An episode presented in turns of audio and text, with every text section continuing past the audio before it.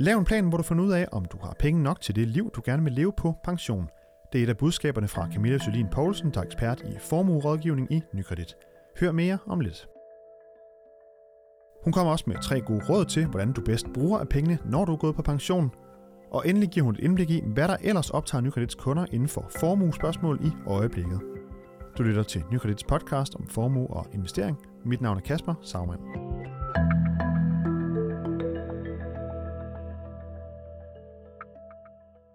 Efter et langt arbejdsliv er det tid til at gå på pension, og nu skal du til at bruge af din formue.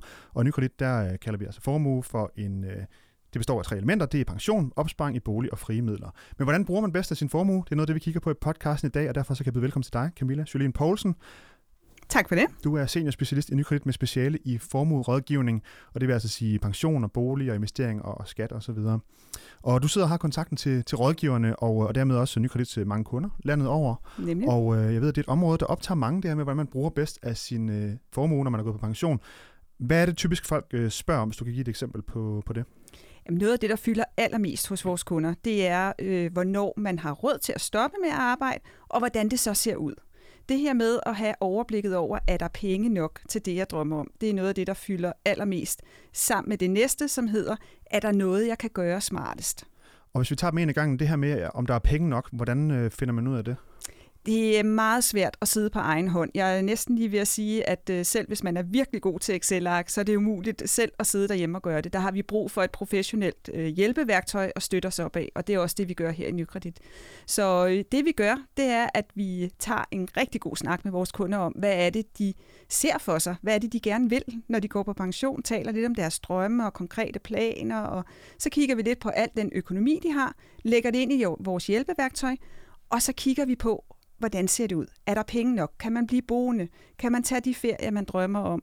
Øh, er der lige til at købe den bil, man gerne vil have, lige når man går på pension? Alt det kan vi få et overblik over. Hvor lang tid skal man ligesom øh, kigge ud i fremtiden? Det kan jo godt øh, måske synes øh, lidt svært at sige, jamen, jeg, hvilken bil skal jeg have om fem år, og hvor lang tid vil jeg blive boende?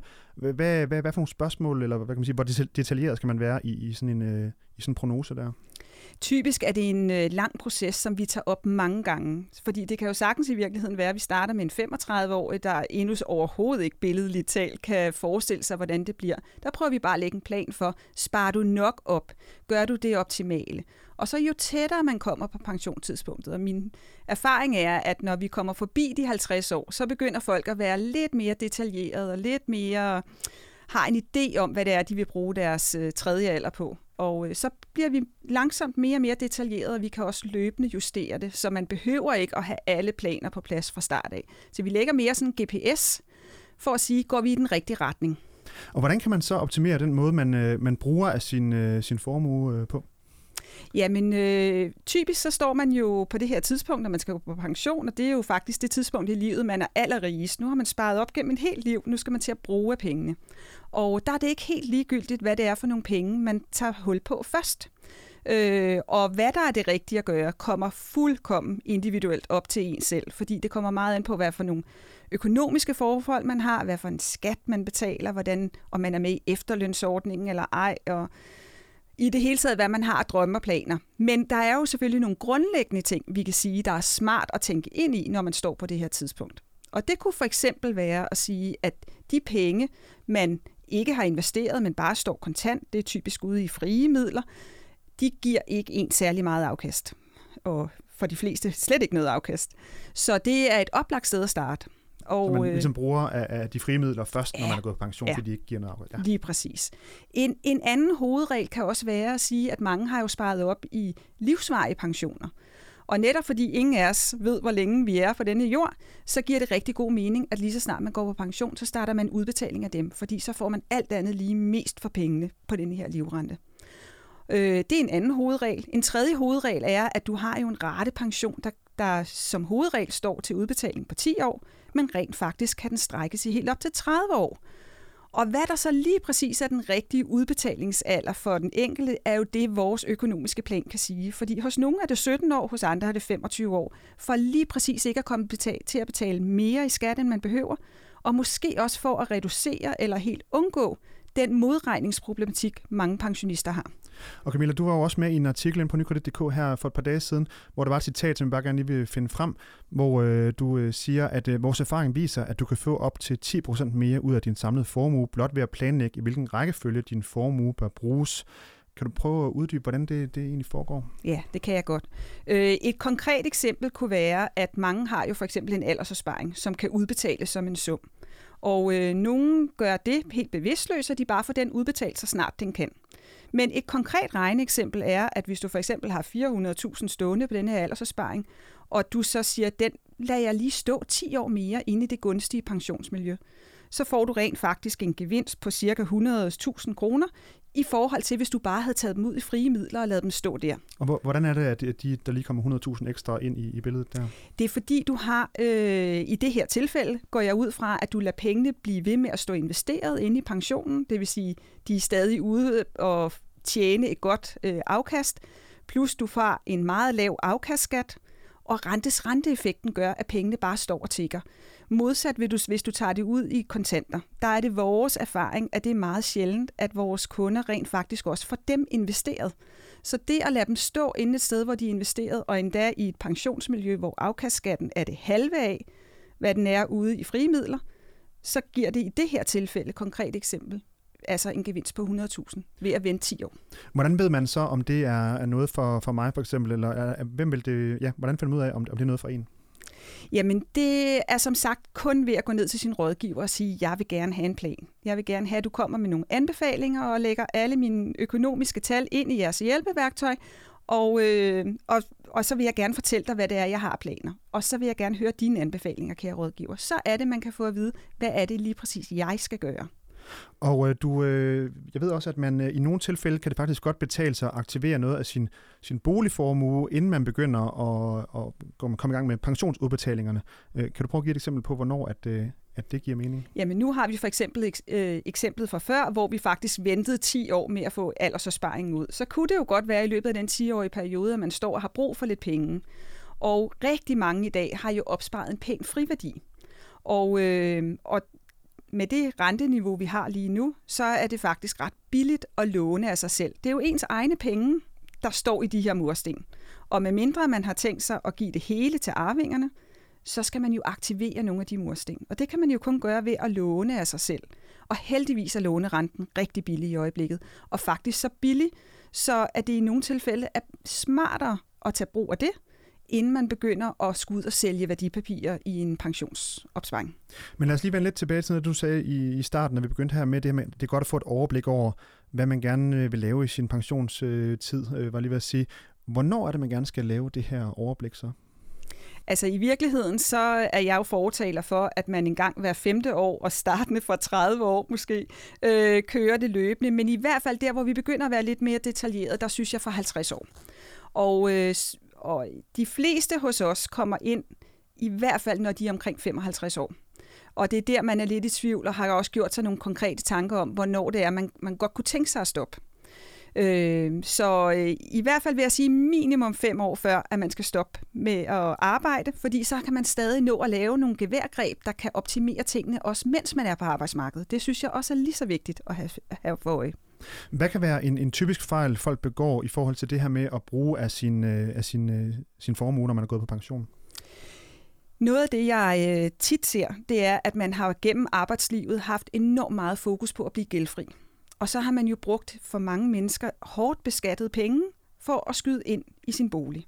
Og når man så står som pensionist, så har man nogle pensionsopsparinger, men man har også rigtig meget formue bundet i de her mursten. Og der er det min oplevelse to ting. For det første, så, øh, så koster det jo, når man skal til at øh, trække sin mursten ud igen, fordi man skal låne, og det holder rigtig mange tilbage. Altså rent psykologisk sker der noget ved mange, der gør, at så sænker man lige forbruget lidt, fordi man faktisk synes, det er lidt ubehageligt at gå og trække på en kaskredit. Så det, at du har bundet dine ønsker og drømme op på, at du er nødt til at trække på en kaskredit, det holder psykologisk mange tilbage, og det synes jeg er enormt ærgerligt. Hvad, hvad vil du sige til dem, der måske øh, har det på, på den måde? Jamen, der vil jeg sige, kom ned til os og få en plan, så du er 100% sikker på, at der er penge nok, men også få et økonomisk råd, og vi kan også direkte øh, sådan udregne det for dig. Hvad vil du rent faktisk tjene, hvis du i stedet for måske ikke øh, gik så hardcore efter at blive helt gældfri, måske bare sat afdraget lidt på hold de sidste år på arbejdsmarkedet, og så skruet lidt op for pensionsopsparing, eller måske opsparing i frie midler. I det der med at øh, spille på alle tre heste, som du fortalte i starten, at formuen består af tre dele, det er med at spille på, med på alle tre heste, det er altså interessant. Ja, og lige netop de her tre dele, altså pension og opsparing i bolig og, og frie midler, det er jo det, som øh, samlet bliver til, til formue. Hvordan er øh, ens eller folks øh, op, øh, formue øh, typisk fordelt på de her tre områder, hvis man kan sætte nogle procenter på? Sådan øh, i hovedtræk, der vil jeg sige, at øh, det jeg oplever, det er, at folk har næsten lige så meget i friværdi som i pension. Og så en mindre del i frie midler. Og hvis jeg skal tælle tat på det, så er det sådan cirka 45 procent i henholdsvis pension og øh, bolig, og så omkring 10 procent i frie midler. Det er nok sådan øh, hovedscenariet, og det, det synes jeg er meget fornuftigt lige umiddelbart. Det, det kan I godt ja. øh, nikke, gen, eller ja. nikke anerkendende til. Ja. Godt. Og øh, så bare lige for at opsummere det her med, hvordan man bedst bruger af sin, øh, af sin formue, når man går på pension. Hvis du skal give øh, et sådan overordnet godt råd, øh, vil du kunne det?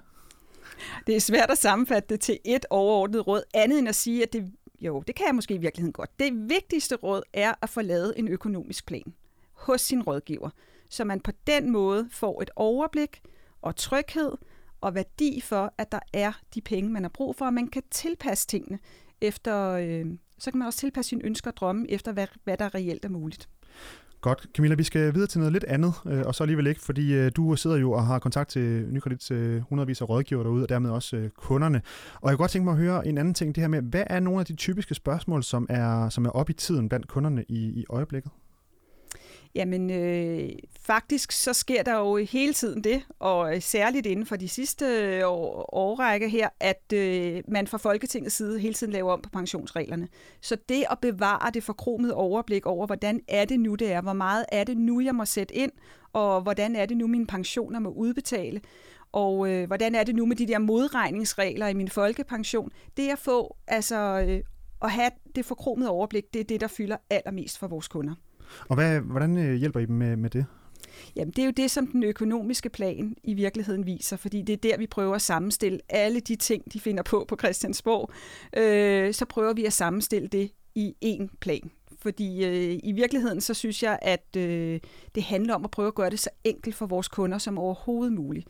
Og, øh, og ikke nødvendigvis øh, besvære dem med alle de her mange lovregler osv., men bare øh, lytte til vores kunder, høre, hvad det er, de vil, kigge på de økonomiske nøgletal, og så komme med en anbefaling og en tryghed om, det er lige præcis det her, du skal gøre, kære kunde. Og en opdatering på det, jeg ved, du er meget inde i alle de her regler. Sådan, er der nogle, øh, hvad er sådan det seneste nye på, på området i, i forhold til, til lovgivningen med pension osv.? Jamen her 1. januar skete der jo det, at øh, man lavede voldsomt meget om på, hvad man for eksempel må bruge aldersopsparingen til. Øh, hvor meget du må sætte ind, men også hvordan den må udbetale. Øh, samtidig forlængede man også muligheden for at have pengene stående i pensionsmiljøet fem år længere. Generelt set er man jo fra Folketingets side interesseret i, at vi danskere bliver længere på arbejdsmarkedet, og dermed går senere på pension. Og øh, jeg synes hele tiden, de sådan med øh, sådan noget skiftevis pisk og gulerød sørger for at øh, give os incitamenter til det. Øh, så det er det, der er meget op i tiden. Og så det, vi har i vente lige nu, som jeg regner med, vi op til sommerferien får et overblik over, det er, at øh, man også godt er klar over, at det for nogle danskere ikke kan betale sig så meget at spare op til pension, på grund af modregningen i folkepensionens tillæg. Og der har man lavet et, øh, et forslag om, at man giver et større pensionsfradrag til dem, der er tæt på pensionsalderen. Og øh, det bliver lidt spændende at se, hvor den lander, men det ved vi som sagt første sommer. Så der, øh, jeg synes, der rører sig rigtig meget på det her område. Det lyder godt, men øh, tak for den øh, opdatering i hvert fald, Camilla det kan være, at vi hiver dig ind igen om, om et par måneder og får det sidste nye inden for formuerådgivning, pension og så videre. Tak fordi du kom. Det skal I være velkommen til. Tak fordi du kom. Og det var altså Camilla Jolien Poulsen, som er seniorspecialist i Nykredit med speciale i formuerådgivning, som var her i podcasten i den her uge. Du har lyttet til Nykredits podcast om formue og investering, og du kan uh, sende idéer eller ris, ros og kommentarer til podcast Du kan følge podcasten hver uge på nykredit.dk, på iTunes, SoundCloud, Stitcher og TuneIn. Tak fordi du lyttede med.